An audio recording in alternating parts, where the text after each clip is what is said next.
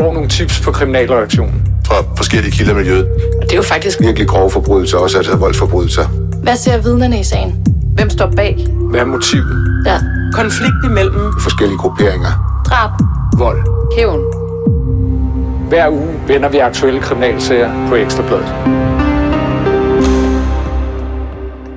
Dommen lød på forvaring, da huliganlederen Kevin Werner fra gruppen Brøndbys Hårde Drenge i juni sidste år blev dømt for en lang række seksuelle overgreb og grov vold mod 15 unge mænd og en kvinde. Retten mente, at han havde brugt sin position i huliganmiljøet til at komme i kontakt med drengene, og at han udnyttede den her tavshedskultur i en meget machopræget og homofobisk verden. Kevin Werner ankede på stedet, og nu er sagen startet forfra i Østre Landsret under store sikkerhedsforanstaltninger. Velkommen til Afhørt. Jeg hedder Linette Krøger Jespersen og er vært på programmet sammen med Christian Kornø, som er tilbage efter at have arbejdet med Bandeland 4 i de seneste mange uger. Og Christian, du har jo dækket sagen massivt i byretten, og har også som den eneste interviewet øh, Kevin Werner, mens han har siddet varetægtsfængslet. Ja, her kort før øh, landsretssagen gik i gang. Men øh, det er jo dig, der har været nede og dække landsretssagen, øh, og var nede i sidste uge. Øh, at du hørte jo blandt andet Kevins forklaring. Hvad, hvad, hvad sagde han? Ja, det kan være, at jeg først sådan skal fortælle i en sådan setting. at det foregår i Østerlandsret, som ligger ude i Nordhavn i øh, København. Og altså, der var ret store sikkerhedsforanstaltninger ind til den her retssal, hvor man skulle igennem en øh, ekstra metaldetektor for at komme ind i retten, og alle tilhører skulle lægge deres øh, mobiltelefoner ned i sådan en særlig sikret øh, taske, så de ikke kunne tage den op undervejs. Øhm, og så inde på tilhørerpladserne, de var ligesom af, afskærmet fra retssalen af en, øh, en glasvæg. Altså, så selv hvis der var nogen, der skulle komme med sådan nogle tilråb, så ville de ikke kunne høre det derinde. Altså, jeg har fornemmelsen af, at i byretten, der var der, øh, der, var der en del hul om hej ned fra tilhørerrækkerne. Ja, altså til hver eneste retsmøde, tror jeg, jeg var til en, ja, i hvert fald en 10-15 stykker, altså var der altså personer fra miljøet, øh, huligan og, og rock- og bandemiljøet på tilhørpladserne, og hver gang var der udråb og, og, og, og tilsvininger og folk, der blev e, eskorteret ud af, ud af retslokalet af, af betjentene, så, så den, den slog faktisk ikke fejl på, på noget tidspunkt.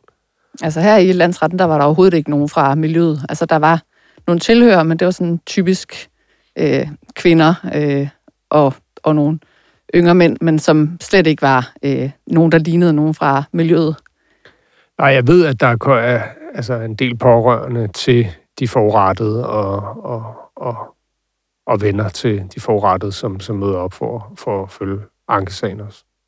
Og nu er det jo sådan første gang, jeg har set Kevin Werner, fordi jeg dækkede jo ikke sagen i byretten, øh, og han fremstår jo sådan meget... Øh, veltalende. Altså, han var iført sådan en øh, kortærmet t-shirt, så man kunne se hans øh, muskuløse arme, og havde sådan en, et strikket øh, tørklæde rundt om, øh, om halsen, og sådan på en eller anden måde lignede lidt mere sådan en herretøjsmodel, end han lignede en, øh, en hooligan. Og det, som øh, han blev spurgt meget ind til her sådan, i den første del af hans forklaring, det var hans øh, identitet som hooligan. Altså anklageren, han ville meget gerne have ham til at øh, fortælle, at øh, det var en stor del af hans øh, identitet. Altså, at øh, det at være Brøndby Hooligan, det øh, var en del, altså at det lå i hans øh, hjerte. Blandt andet så bliver han jo også spurgt ind til nogle tatoveringer, han har. Øh, han har åbenbart sådan tatoveret sådan en... Et hundetegn. Et hundetegn, som man jo kender det fra militæret, hvor der indeni er øh, tatoveret Brøndby Hooligan, som er sådan lige omkring hans øh, hjerte. Og øh, så har han også en anden sådan hooligan-relateret øh, tatovering på armen, hvor der står noget med i stil med, at når jeg går ind i, jeg går ind i skoven for at miste forstanden og finde min, sjæl på engelsk. Ja, og gå ind i skoven i det her tilfælde hentyder jo til de her skovbokskampe, hvor altså en arrangeret kampe mellem huligan-fraktioner, som vi jo også har fået afdækket, at Kevin Werner har været en, en stor del af, da han var altså et ledende medlem i, i BHD, Brøndbys. Hårde Drenge. Da du talte i telefon med ham, da du interviewede ham, altså hvordan virkede han? Han virker ligesom han fremstår i retssagen. Altså, han, Kevin er jo meget veltalende og, og udadvendt og er god til at fremlægge sin sag. Øh, det er der ingen tvivl om, men Men det er klart, altså, da vi havde talt noget tid, fortalte han jo også, at han jo selvfølgelig også øh, af gode grunde føler sig presset ikke, øh, for den situation, han sidder, fordi han føler jo, at øh, det er justitsmord, der er begået mod ham, ikke? Så, så øh, ja, han er jo spændt og nervøs selvfølgelig øh, for afgørelsen, som, som jo kommer inden for den næste halvanden måneds tid. Altså forvaring, det er jo også en af de hårdeste sanktioner, vi har. Altså den er jo tidsubestemt. Altså han kommer først på fri fod, øh, hvis han bliver dømt igen, når han ikke længere er farlig. Og så har der også været et trusselsbillede mod ham, ikke? Altså efter han er blevet varetægtsfængslet. Ja, der er slet ingen tvivl om, at øh, der er et voldsomt trusselsbillede mod ham, altså, og det kunne man jo netop se altså med, med alle de her øh, folk fra huligan og, og rockbandemiljøet, som mødte op altså i øh, byretten og svinede ham til. Og dem, han har begået de her øh, angivelige overgreb, som, øh, som han jo blev dømt for i byretten, øh, altså det er jo folk fra det her miljø, så der er slet ingen tvivl om, at... Øh, hvis han blev løsladt øh, efter dommen, så ville jorden brænde under ham, og han ville være svært ved at opholde sig i Danmark. Ikke? Øh. Og det var også det indtryk, jeg fik i retten, at det var en mand, som ikke var fuldstændig øh, nedbrudt, men faktisk var sådan, øh, ja, som du siger, veltalende og angrebslysten på en måde. Altså, han gik i rette med øh, anklageren og insisterede på, at han lige skulle øh, give sit svar på et spørgsmål, når anklageren egentlig øh, gerne ville øh, gå videre. Så jeg fik også indtrykket af en mand, der er klar til at kæmpe for sin sag. Ja, altså, øhm, jeg kan huske et udtryk, han brugte der, da vi jeg talte med ham i telefonen, det var, at øh, vi tabte første halvleg, øh, men mange kampe er blevet vundet i anden halvleg også. Og så var det jo egentlig meget sjovt under hans øh, forklaring, at øh, altså, anklageren han øh, blev ved med at spørge til det her med identiteten, og han spurgte ham, er det rigtigt, at du er kendt som øh, hooligan øh, Kevin i miljøet? og spurgte, om det sådan var et berygtet navn. Og altså, det var tydeligt, at, øh, at øh, Kevin Werner, han ligesom sådan trak på det og sagde, nej, jeg ved sgu ikke, om det er et øh, berygtet navn. Og så brød dommeren altså ind og sagde, at øh, der er simpelthen ikke nogen grund til at bande herinde for at understrege din pointe. Og det synes jeg bare, det er meget sjovt. Øh, sådan en meget sjov kontrast ikke, til det liv, som Kevin Werner han levede før, altså hvor han arrangerer skovbokskampe og går sådan forrest i sådan nogle helt vanvittige slåskampe mod øh, fans på gaden, ikke? Jo, jo, og så pludselig skal han sidde og passe på sit sprog. Altså, i den verden, han kommer fra, et banord jo, jo det mindste, fordi, altså, som blev afdækket ude i byretten, altså, det er jo en verden med, altså, tæt forbundet også med, altså, organiseret kriminel verden, og ja, netop hvor vold og slagsmål og den slags er, er en del af hverdagen. Så jeg kan godt forstå, at det har været lidt en opvågning, hvis dommeren i rette sætter ham for at bruge et, øh, et skældsord. Ja, fordi vi hørte jo også nogle klip, hvor han bruger ord som øh, motorsmadder, og øh, at han også skulle have kaldt sin øh, øh kvindelige kæreste for en møgbeskidt luder. Så man kan sige, øh, sammenlignet med sku, så, øh, så er det i hvert fald to forskellige verdener. Hvad sagde han så om sin, sin forklaring, altså for hvorfor han altså, er havnet her på anklagebænken? Altså, vi nåede ikke rigtigt til, at han forklarede om selve sådan, forholdene. Det var meget omkring hans identitet som øh, hooligan, og det her med, at han havde, som han siger, forhold til nogle af de her øh, drenge, som han har tiltalt for at udsat for overgreb. Øhm, han forklarer jo selv, at han har haft øh, fem for, altså forhold til fem forskellige unge mænd øh, på samme tid.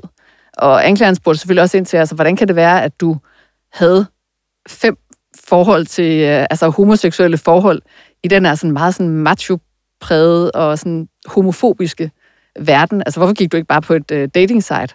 Og så sagde han, jamen altså, det havde han faktisk også været, men at øh, man bestemmer jo heller ikke, hvem man får følelser for. Øh, så han kører det der øh, forsvar i hvert fald, at det her, det var øh, altså frivillige forhold. Ja, altså Kevins forklaring er jo, at altså, det her er frivillige forhold, som de her unge mænd er indgået i med ham, og da kæresterne omkring de her drenge øh, ligesom opdager nogle kærestebreve øh, og nogle breve, hvor der bliver sagt... Øh, altså nogle meget altså kærlige, intime ting mellem Kevin og de her unge mænd, at så er det, at, at de er bange for at blive afsløret i det her huligan- og rockermiljø, som er meget, meget homofobisk. Øh, og derfor så forsøger de at, at, at slå ham ihjel øh, den 5. februar 2021, hvor der er et skudattentat mod ham ude i Brøndby. Altså, der tror man først, eller politiet tror, at de kommer frem, at Kevin ligesom har, har noget at gøre med det, og de tilbageholder ham. Øh, og så er det, mens han bliver tilbageholdt her, at øh, de her anmeldelser om de seksuelle overgreb begynder at tække ind. Og det siger Kevin jo, øh, altså er hans forklaring, at det ligesom er plan B for de her mænd, at når de ikke kunne slå ham ihjel, så må de altså sætte ham ud af spillet på en anden måde, og det gjorde de så ved at, at lave den her, det her komplot, hvor at, øh, de beskyldte ham for det her, for så at få ham mange år i fængsel, øh, og få ham til at sidde, hvor han sidder nu. Så simpelthen er alle de her unge mænd, de efter hinanden og samstemmende fortæller, at de er blevet udsat for overgreb. Ja, og øh, der var det jo dommeren i byretten, altså tilsidesat den her forklaring og sagde, at altså, det er urealistisk, at man har kunne koordinere så mange forklaringer, og at 15 øh, mænd skulle komme med så enslydende øh, forklaringer, modus og den slags, øh, og man kan det. Kevin siger så omvendt, at han synes, at anklagemyndighedens argument øh, omkring det her med, at de anmelder ham, fordi han pludselig er i politiets varetægt, og der siger han, jamen få måneder før sad han varetægtsfængslet i flere måneder øh, for nogle huliganoptøjer inde i København, inde i Sundvedsgade mellem Brøndby og FCK, og der havde de haft rig mulighed for at stå frem og fortælle politiet om det her. Og der siger han, der sker så det stik modsatte, og der er nogle af dem op og besøge ham i arresten øh, og de skriver kærestebreve sammen og den slags. Så han siger, det underbygger ligesom hans forklaring omkring det her komplot. Og det er jo så den forklaring, han vil forsøge at overbevise landsretten om, og som byretten jo forkastede øh, og dømte ham til, til forvaring. Og hvis man skal tage det modsatte perspektiv på det her, så er der jo også en øh, psykolog, som har været ind og forklare, at der også er et element af Stockholm-syndromet hos øh, de her drenge, at de simpelthen ikke har ture eller været i stand til at øh, komme frem med det her, fordi det var så øh, ydmygende, eller at øh, det var så særligt, det den her tavshedskultur, som er i huliganmiljøet. Er det ikke rigtigt? Jo, altså psykologen afgav jo forklaring for lukkede døre, lidt ligesom de forurettede, øh, hvilket er meget normalt i sådan nogle sexkrænkers sager. Øh, men man kan sige, at en del af hendes forklaring sivede alligevel sådan til os tilhører, fordi at i øh, procedurerne, altså anklager og forsvarers afsluttende bemærkning, der blev jo henvist til nogle af de her ting, og nogle af de pårørende til de forurettede kom jo også, øh, altså fortalte jo også for åbne døre, og det vil sige, der kom nogle af de her ting også frem. Og det, som, som øh, psykologen hun vurderer, det er jo det her med, at jamen, altså, der har været sådan en, en konstant underliggende trussel om vold. Øh, og så netop øh, ja, sådan en art Stockholm-syndrom, som, som har gjort, at de har følt sig altså, nærmest tvunget til at besøge ham, tvunget til at skrive de her breve. Øh, og det er jo så det, som, som Kevin Werner og hans forsvar, Christina Sjønsted, øh, vil sætte spørgsmålstegn ved, fordi altså, det, de siger, det er, jamen, hvorfor skulle man skrive et kærestebrev? Altså, det, det gør jo hverken fra eller til, ikke? Og hvorfor skulle man besøge en, man er bange for at, at blive udsat for overgreb? Ja, og det forkastede byretten jo, så det bliver jo spændende at se, hvad landsretten ligesom altså, vil, vil lægge vægt på her. Og vi kan jo sige, at vi har jo mange detaljer omkring øh, de her overgreb, altså præcis hvad der er sket, men det er jo ikke noget, vi bare sådan lægger fuldstændig øh, detaljeret frem, fordi der også er et hensyn til de her forurettede, og som du siger, så er deres forklaring også øh, for lukkede døre, altså det har man simpelthen ret til, når man er udsat for en øh, seksuel forbrydelse. Altså den her sag ved vi jo, altså ligesom så mange andre sager, ved vi jo en del, som, som, som vi ikke skriver, og, og i denne her sag kan vi jo ikke skrive det, fordi at netop også af, retsbøgerne og dombøgerne, at der, altså, der fremgår detaljer, som, som, som man ikke skal skrive. Men det er jo altså i alt 51 forhold om voldtægter og vold og afpresning, øh, 1300 overgreb i alt. Og det er jo foregået over altså mange år, jeg tror knap ni år.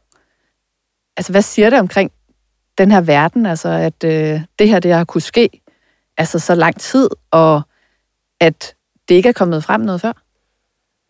Det var jo det, som, som altså blandt andet anklager dommer og, og øh, lagde vægt på i, i byretten også. Øh, og det var jo det her med, at altså, det, det er et huliganmiljø, og et miljø, som er vævet sammen med både rocker- og bandemiljøet, hvor altså, det er jo ekstrem no-go at tale med myndighederne og tale med politiet. Det er jo øh, altså at stikke, og det er jo den ypperste synd i den verden.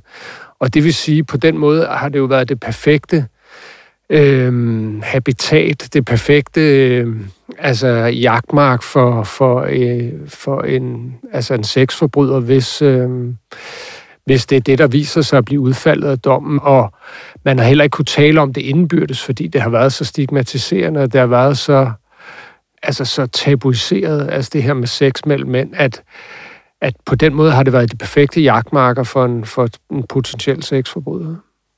Og Kevin Werner, han nægter så skyldig, og vi frifindes for den her forvaringsdom, som han øh, fik i byretten. Men Christian, du har undervejs øh, skrevet eller talt med øh, Kevin Werner, altså mens han har siddet varetægtsfængslet efter forvaringsdommen i byretten. Hvad har I snakket om?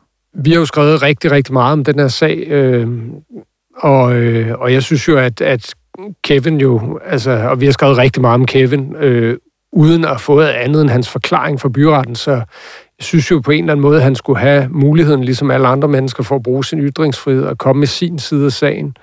Øhm, så derfor har vi brugt lang tid på ligesom at etablere noget kontakt, øh, og det, det lykkedes så her forud for, for sagen, hvor han ligesom altså kom med sin side af, fik lov til at fremlægge, hvad, hvad han synes, ikke? Og, og han fortalte jo også det her med, at altså, han synes jo også, det er en ulykkelig sag, for har store konsekvenser, altså for ham selv selvfølgelig, men han er jo godt, godt klar over, at alle andre indblandet i, hans, i sagen, altså både hans familie, men også alle de forrettede og deres familie og sådan noget, altså det har store konsekvenser for dem, at det her, det, det ruller øh, og har haft det igennem lang tid, ikke? Så, så han, han så frem til ligesom at få det, få det overstået, ikke? Og, altså holder han jo hårdt på, at, at, at det her det har været frivilligt, og det var altså et justitsmord, der blev begået i byretten i Glostrup.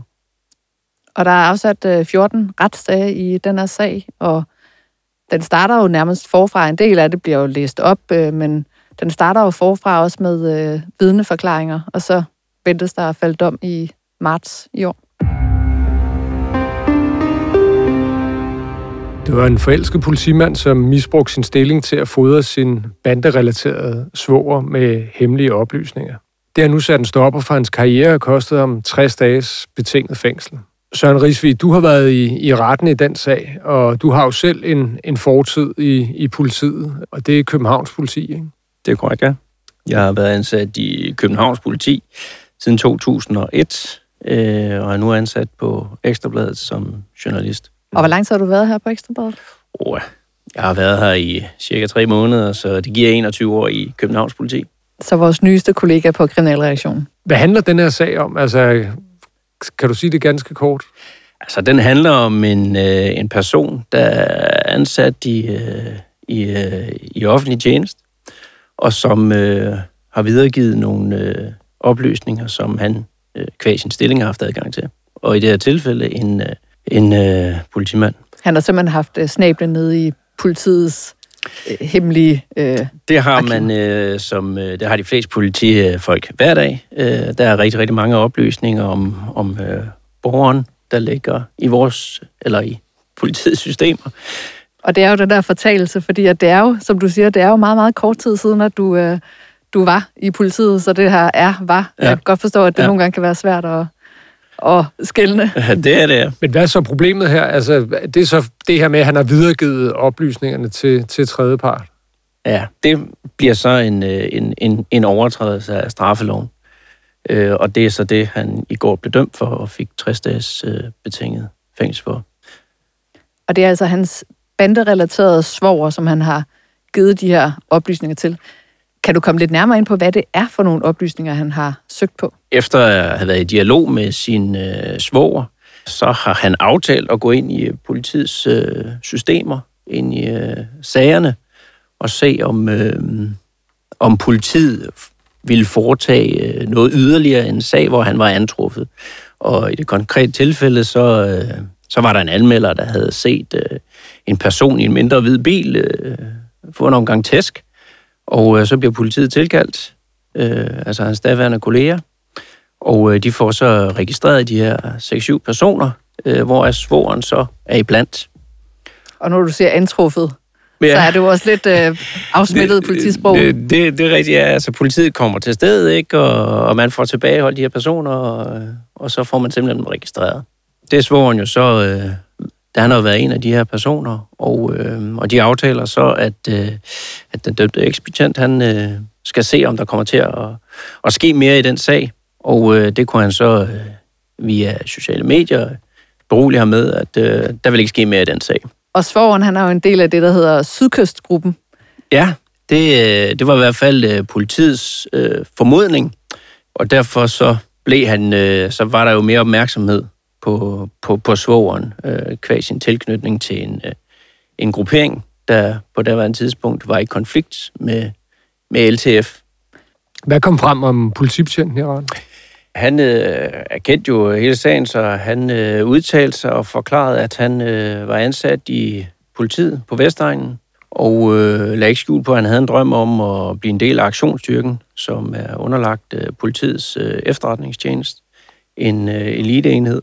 Så altså en mand med ambitioner inden Han havde ambitioner, øh, og i øh, retten var det også ret øh, tydeligt, at, øh, at øh, han kunne lide at træne og dyrke motion. Han var en veltrænet ung mand.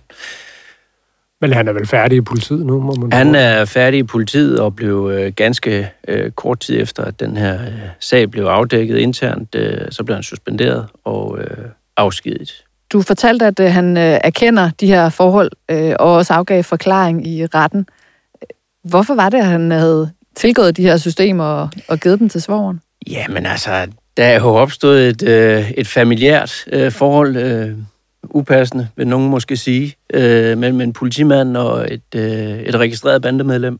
Og hvordan er det sket? Kort tid efter at være ansat i politiet, så, øh, så møder den her ekspedient, øh, så møder han en, øh, en kvinde, som øh, han bliver forelsket i.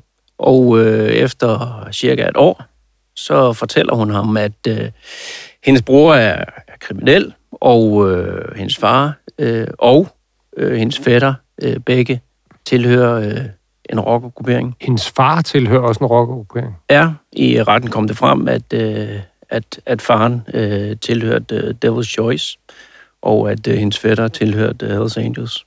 Altså, man øh, vælger sin øh, kæreste, men man øh, vælger ikke nødvendigvis de øh, svigerforældre eller den svigerfamilie, som øh, følger med. Øh, det gjorde han ikke, øh, og øh, jamen, der, det, det, det virker som om, at der opstod et venskabeligt forhold, og øh, ja, den ene tjeneste tog den anden.